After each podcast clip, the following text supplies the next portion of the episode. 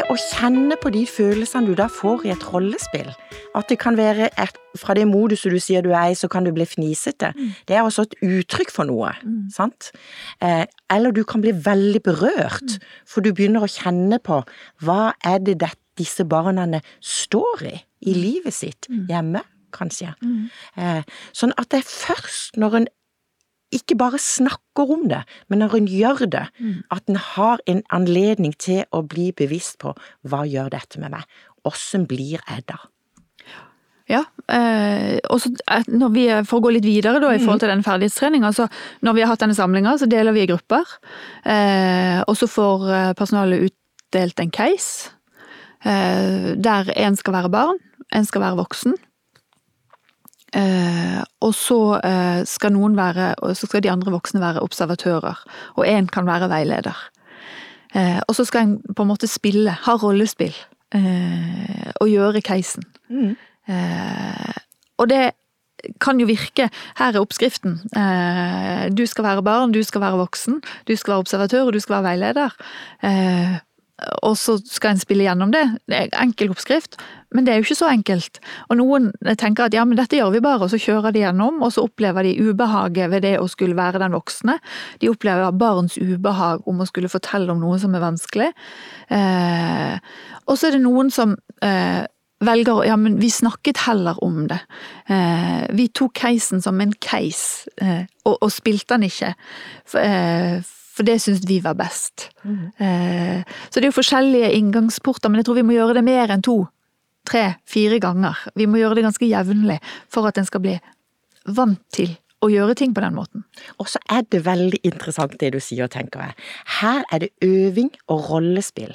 Allikevel så kan det bli så mange, eh, hva skal jeg si, barrierer, at en velger å jobbe med det som en case som snakker om istedenfor å gå inn i og gjøre det så han får en reell mulighet til å kjenne på det.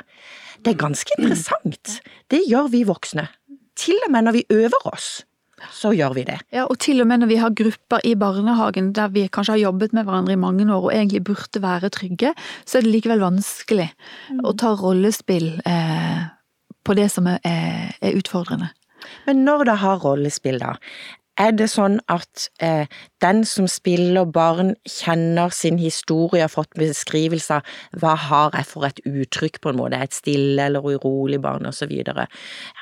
Den som da er voksen, som skal snakke med, har den et type manus, eller har han bare bekymringer? Jeg tenker Vi har casen å gå ut ifra, men jeg mm. tror kanskje det hadde vært bedre eh, Når du stiller spørsmålet sånn, så begynner jeg å, å, å reflektere. At vi hadde hatt en, en, enda mer sånn at barnet skal være eh, bråkete, avvisende, eh, sånn. For det er litt opp til den voksne sjøl som skal spille barnet.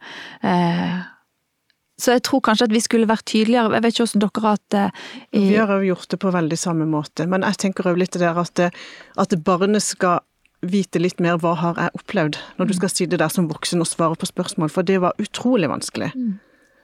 Så kanskje og, vi må utvide det litt? Ja, at casen er litt mer enn bare en sånn kortsetning. Mm.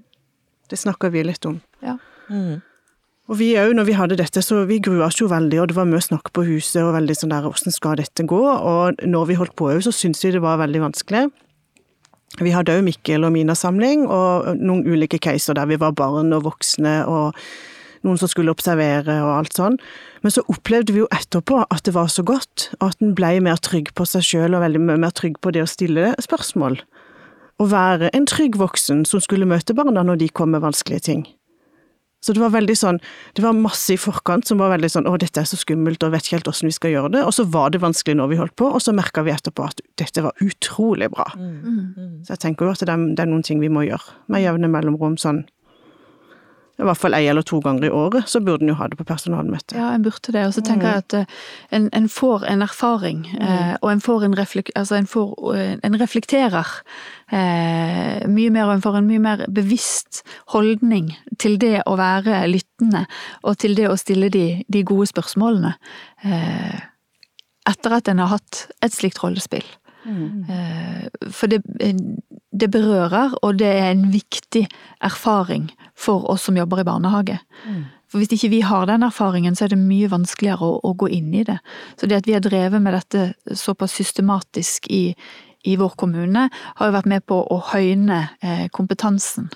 Og høyne eh, bevissthetsnivået i, i, eh, i personalgruppene i de barnehagene som vi har. Ja, så tenker jeg litt det der sier om òg igjen eh, å konkretisere enda mer. Altså å konkretisere eh, Lille Ole her er utsatt for seksuelle overgrep av onkel. Eh, han har et utagerende uttrykk eller et stille uttrykk. Eh, og fordele også oppgaver. For jeg tenker hvis det er ei gruppe, så kan du, du sier en er veileder, det er fint alle de andre voksne kan være observatører som får udelt oppgaver. Du skal se etter åpne spørsmål. Eller lukka spørsmål. Du skal se etter flere spørsmål i ett. Du skal se etter den aktive lytting av kroppsspråket. Sånn at når en er ferdig, så kan en ha gruppeveiledning. Eh, for det som, det som er i hvert fall min erfaring, er at de fleste syns det er vanskelig å snakke med barn om en bekymring om de er utsatt for vold og overgrep. Fordi det er så sensitivt, og det er så skambelagt, og det er så mye tabuer rundt det. Og, og, og, det å fortelle om det kan de også fått beskjed om at de ikke skal. Men det kan være like så forstyrrende for den voksnes kommunikasjon eh, at barn er urolig, for eksempel. Mm. Det er et barn som ikke sitter stille.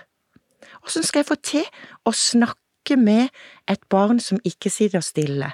Eh, hvordan skal jeg fange barnets oppmerksomhet, sånn at vi får til en eller annen form for kommunikasjon? Rundt det med å introdusere tema, eh, få til åpne spørsmål. Men det kan også være et veldig stille barn. Sånn at det å, at hver enkelt voksen får anledning til å reflektere rundt hva er det som forstyrrer meg mest? Hvordan blir jeg når jeg snakker med et urolig barn? Når det er det som kanskje forstyrrer meg mest. Eh, eller det stille. Fordi det vi, det vi ofte ser da i sånne observasjoner, det er at det uttrykket barnet har, forstyrrer det så mye at alt det vi har snakka om nå, av god kommunikasjon, åpne spørsmål, aktiv lyttende, det forsvinner ut eh, med vinden. Fordi vi blir urolige. Eh, sånn at hvis vi vet at et urolig barn forstyrrer meg, det synes jeg er vanskelig, så må vi jobbe med veiledning og drøfting i forkant når vi har anledning til det. Hvordan kan jeg på en best mulig måte legge til rette for å komme i dialog med det urolige barnet? Hva skal til? Er det noen av dere andre som har noen erfaringer? Og ikke minst, våge å stille den andre i en sånn øvingsposisjon. Åssen ble jeg i min kommunikasjon? Når den var urolig. Og da vil vi nok ofte se at det kommer eh, ledende spørsmål bare for å få svar, bare for å komme i gang, mange spørsmål i ett, eh, sånn at den informasjonen en får, den blir vanskelig å konkretisere for å se, vet vi nok? Har barnet fortalt fritt ut fra åpne spørsmål? Vet vi nok til å finne ut av hvilken vei skal vi gå? Skal vi gå å snakke med foreldre? Skal vi gå til barnevern, eventuelt politi? Eh, det er, blir vanskelig å konkludere på eh, hvis vi ikke har fått til en, en, kommunikasjon som er åpne spørsmål og aktiv lytting. Sånn at neste gang det blir, da blir det ikke da, men neste gang vi møtes, så skal vi gå mer inn på det med når vet vi nok til å finne en god vei å gå med den opplysninga, de opplysningene vi har. Så tenker jeg at den ferdighetstreningen, den ferdighetstreningen som vi har, det er jo på en måte en prosess. Eh, og jo mer vi gjør det, jo bedre vil vi bli på det. Mm. Men vi er liksom i Vi er jo egentlig i starten på det, men vi er kommet i gang. Mm. Eh, så den prosessen tenker jeg blir kjempeviktig også å holde på mm. eh, i barnehagene. Mm. Så blir det spennende med neste podkast. Ja. Takk for i dag, dere.